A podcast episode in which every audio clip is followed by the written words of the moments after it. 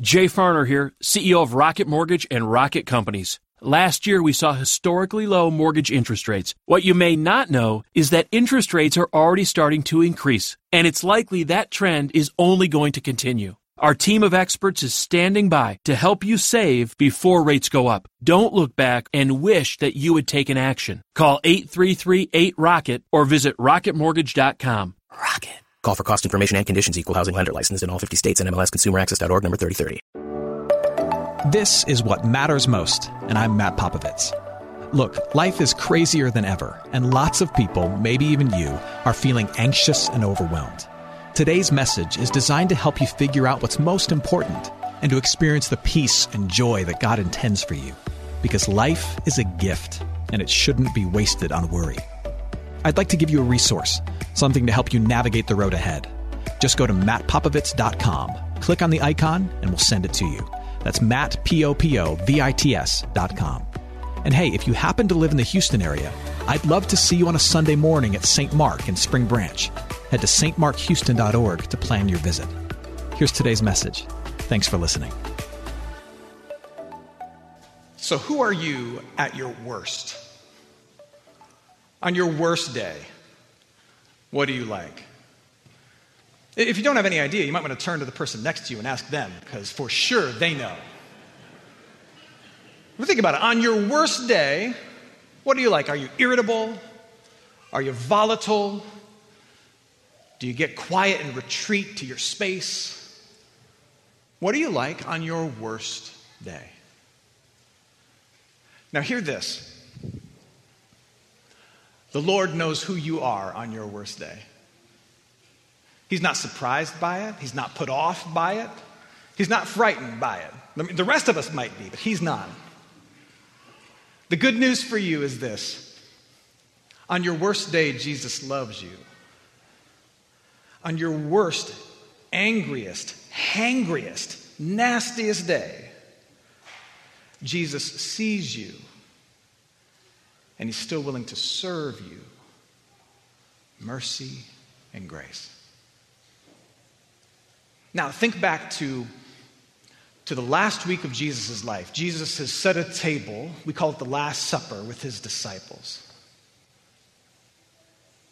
And who are his disciples around that table? Not, not, not who are they by name, but are they them, their best selves or they, are, are they about to be their worst selves? I mean, if you know the story, you know that they're about to be the worst versions of themselves. Yes, you know, famously, Judas is going to betray Jesus, Peter is going to deny Jesus, but within a matter of hours, they all turn their backs and scatter on Jesus. They're all about to be the worst versions of themselves and have their worst possible day. And none of this, John tells us, none of this is a surprise to Jesus. He knows all of this is going to happen. He knows what they're like on their worst day and that their worst day is just moments away. And yet, still, what does he choose to do? He chooses to serve them and to love them and to humble himself before the ones who will betray him. Let's look at these words again. Starting at verse 4. Jesus laid aside his outer garments and taking a towel, he tied it around his waist. He not only served them, he put on the costume of a servant. And then he poured water in a basin and began to wash the disciples' feet and to wipe them with the towel that was wrapped around him. Here's the takeaway from this moment. If you, if you get anything from this message, let it be this Jesus insists on serving and loving his disciples, even on the worst of days. Jesus insists on serving and loving his disciples. That includes you. Even on, especially on, your worst of days. That's your takeaway for this morning. Now, we're continuing a teaching series that we started last week called The Space Between, where we're recognizing the fact that there are important relationships in our life uh, with people that we love, people that matter, but something happens, and where there should be no space between us, there is suddenly distance between us. Somebody said something, somebody did something, someone just tends to carry themselves in a certain way that rubs you the wrong way, and all of a sudden, where there should be no space, where there should be a relationship that you love and enjoy, where you're deeply connected, all of a sudden now there's distance to the point where you don't even want to be in the same room with them. When somebody invites you to a party, your first question is, I wonder if they're going to be there. All of a sudden, there's space between you. And what we're talking about in this series is how followers of Jesus can, can close that gap and bring health and healing and wholeness to those important relationships. Because we're not meant to live with, with space between us and the people around us. And our model, our example in this, of course, is Jesus. And we look at how he has bridged the gap between our sinfulness and God's holiness through his own life and death and resurrection. And so we look at what Jesus has done to cure the space between us and the Father, and we, as his followers, we say, well, how can we apply that to the space between us and all the people around us? First things first, choose to be in the room with them. I know it's hard. Choose to share some space with them. Uh, get into close proximity with them. You can't love well from far away.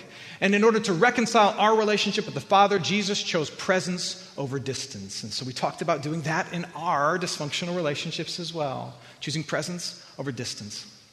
And today, what we're talking about is this the fact that Jesus chose a posture of humility instead of a position of authority. When it came to his disciples, when it comes to all of us, Jesus chose a posture of humility and he set aside his position of authority. Now, in order for this to make sense, we, we need to distinguish a bit between uh, a position that you have and a posture that you take. For the sake of our discussion, positions will be defined this way it's a role that you play in somebody else's life or a belief that you hold to deeply. And so here's what happens when space gets created between you and somebody else. Usually, what happens is the space is created because that other person has offended or rejected your position in their life. They've offended or rejected the role that you play or some deeply held belief that you have. So, thinking theologically, this is what happened in the Garden of Eden.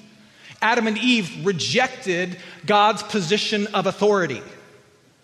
They said, No, we don't want to do that. We would love to have your job. And everything fell apart from there. And then on a daily basis, you and I do the same thing. We're constantly rejecting God's position of authority in our lives. And we're saying the same thing Adam and Eve did. We would like to do things our way. That's in essence what sin is. And then all the dysfunction in humanity flows out from there. Now, thankfully, Jesus Christ has bridged the gap that's created by our sinfulness, by our rejection of God's authority. And even though we still struggle with it, there's no gap between us and God because of it. Jesus Christ has fixed that. But again, thinking to the relationships that you have, the space between you and somebody else was in all likelihood created because this other person offended or rejected some role you play or some important position that you hold. They voted for the other guy. And they rejected your deeply held political position. And now, like, you can't even be at the same table with them because it's just going to devolve into an argument. All of a sudden, you feel personally rejected and you feel like there's a space between the two of you. Space gets created when our positions are offended or rejected. That's how this happens. Now, the question is how do these things get fixed? Well, we started that conversation last week. You got to choose to be around the person you don't want to be around. But there's more. If space gets created when someone offends or rejects your position, the only way it gets mended is if someone chooses a humble posture. The only way it can start to get mended is if you, yes, share space and time with them, but when you show up in that space and when you spend that time with them, you choose to embody a humble posture. If you hold tight to your position, everybody just stays in their corner and they say, I'm going to demand a certain level of respect. My position requires a certain level of kindness, a certain type of engagement. And I will not move toward you until you move toward me. Well, if everyone insists on holding tight to their positions, then everyone will stay in their respective corners. It's only when somebody in the dynamic says, Look, I may be right, but I can't be right and loving at the same time. I can't be in the right, apparently, and in this relationship. So I'm going to have to change my posture, though I hold the right position. I'm going to have to change my attitude and my approach and how I engage this person. What's ultimately helpful is not a posture of preaching, prosecuting, or politicking. What's helpful is a posture, a humble posture of service. And that's what we see Christ doing. He, he, assumes a humble posture of service with his disciples, ultimately with the whole world, and this is his means of erasing the space between us. What Christ would ultimately do is set aside his position, take the posture of servant in order to restore the relationship.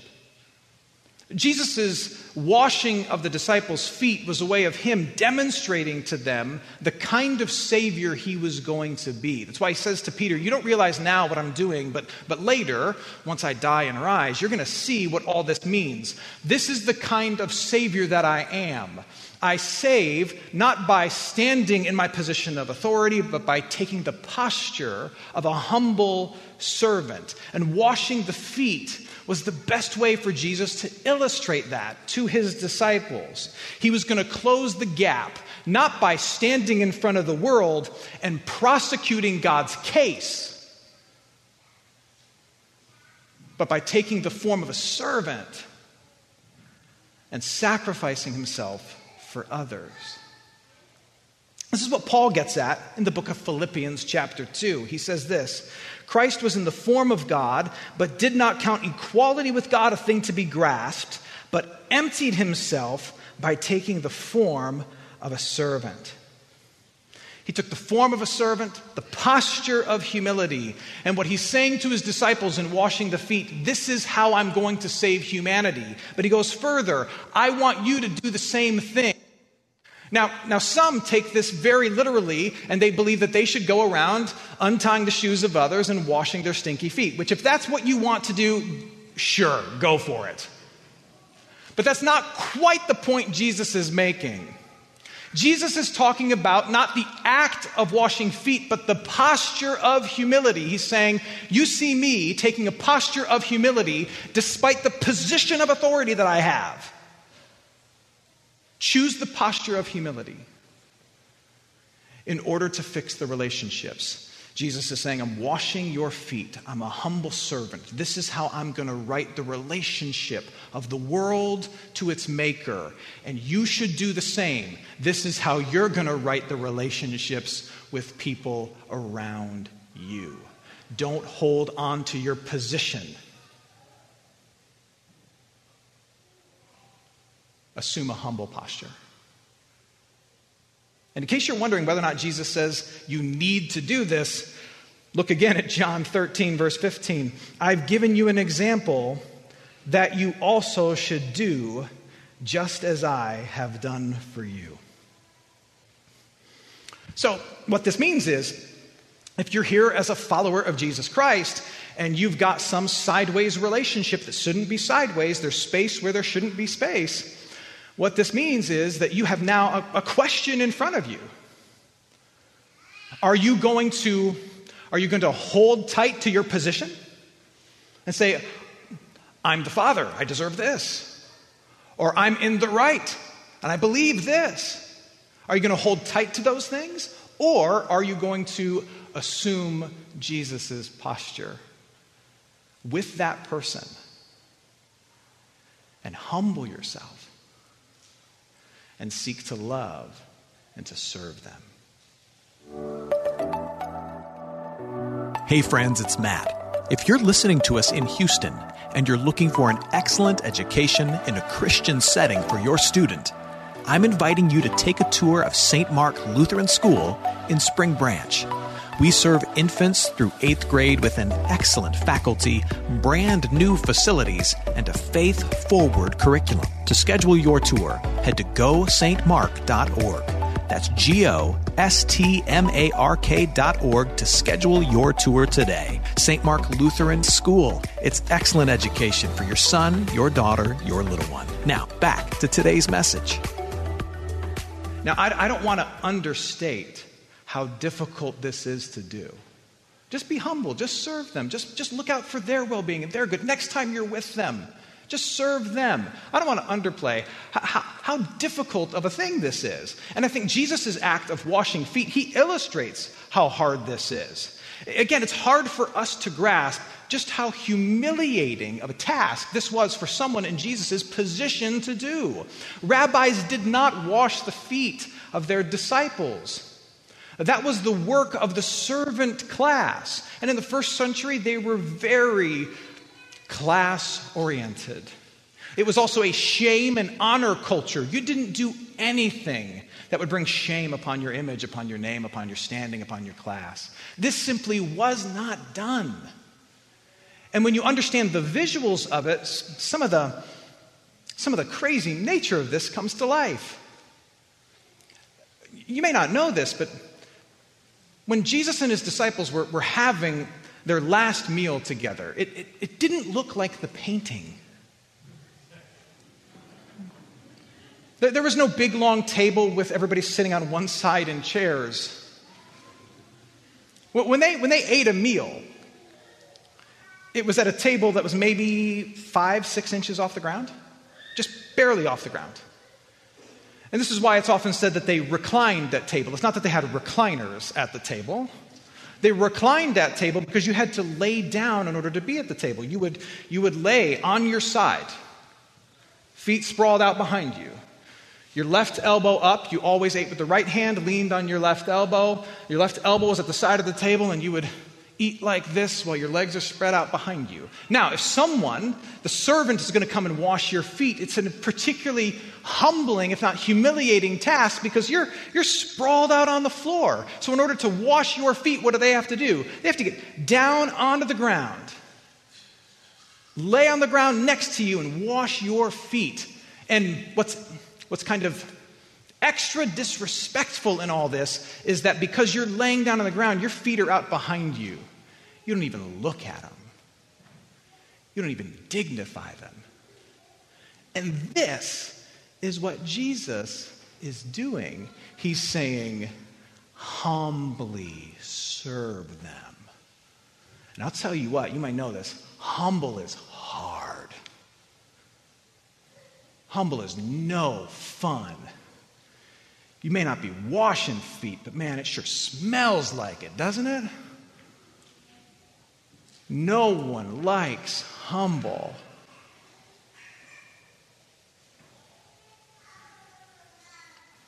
So, what are you supposed to do for this person?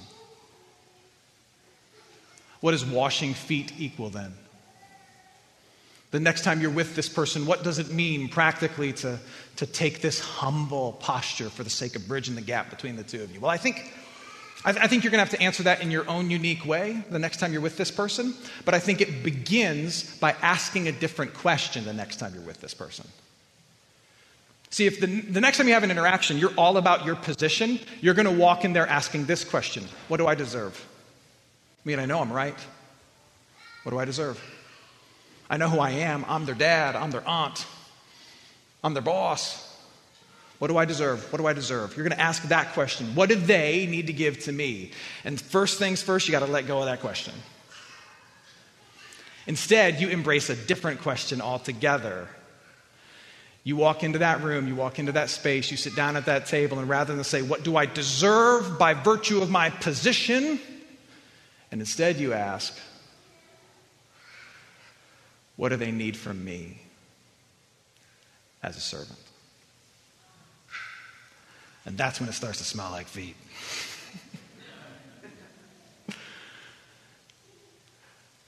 what do they need from me in order to feel loved? What do they need from me in order to feel respected? What do they need from me in order to feel like I'm showing them dignity? What, what, what do they need from me? And, and it's usually small things like we talked about last week, but, but that's the question you ask. What do they need from me as a servant? Not what do I deserve by virtue of my position? What do they need from me as a servant? And then, and then you do it. And you might have to bite your tongue so hard it bleeds. But you do it. I'm not saying you let yourself get abused or walked all over. You get to have certain dignity and standards too.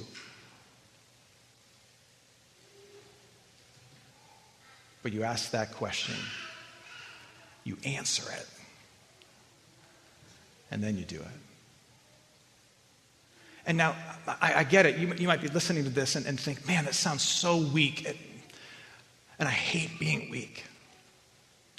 And, and, on one hand, certainly it looks like weakness, but let, let, me, let me flip that table around for you a little bit. Humble service is actually a sign of strength. Did you know that? I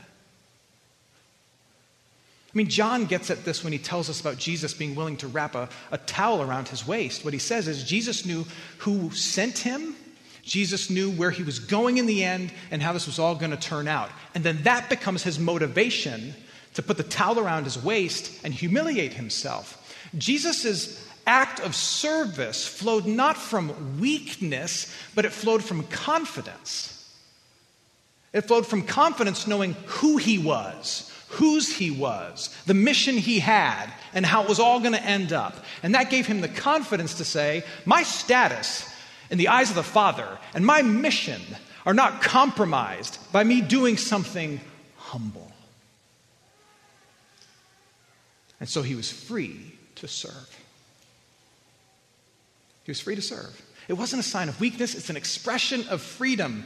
Because Jesus knew who he was and where he was going in the end and how this was all going to turn out, it gave him freedom to choose something that most everybody else would refuse to do.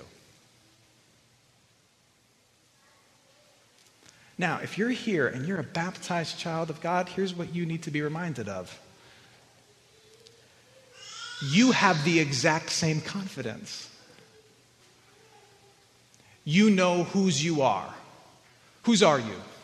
You're the Father's. You know what you have. What do you have? Grace, mercy, forgiveness, a spirit inside of you. You know how this is all going to turn out. Yeah, you might have to go through some stuff between now and then, but you know how this is all going to turn out. It all ends in life, in beauty, in glory. You, you know these same things that Jesus Christ knew because of the work of Jesus Christ.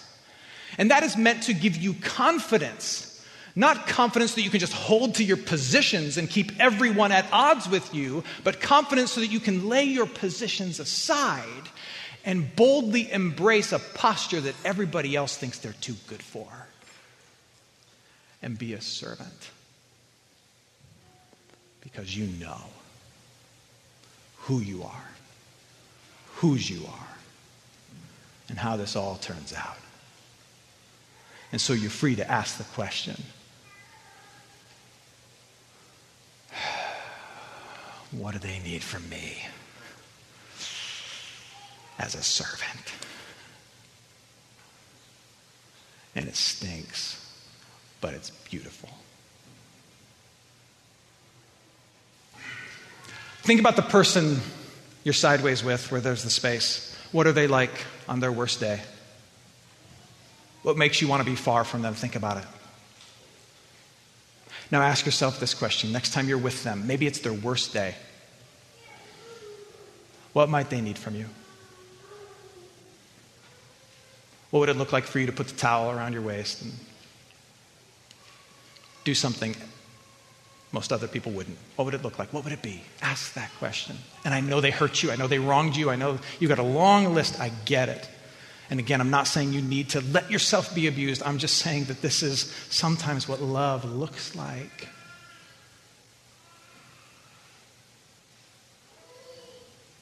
What do they need? Space gets created when someone offends your position.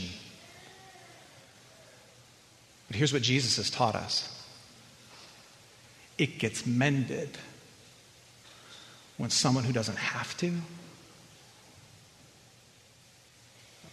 assumes a humble posture.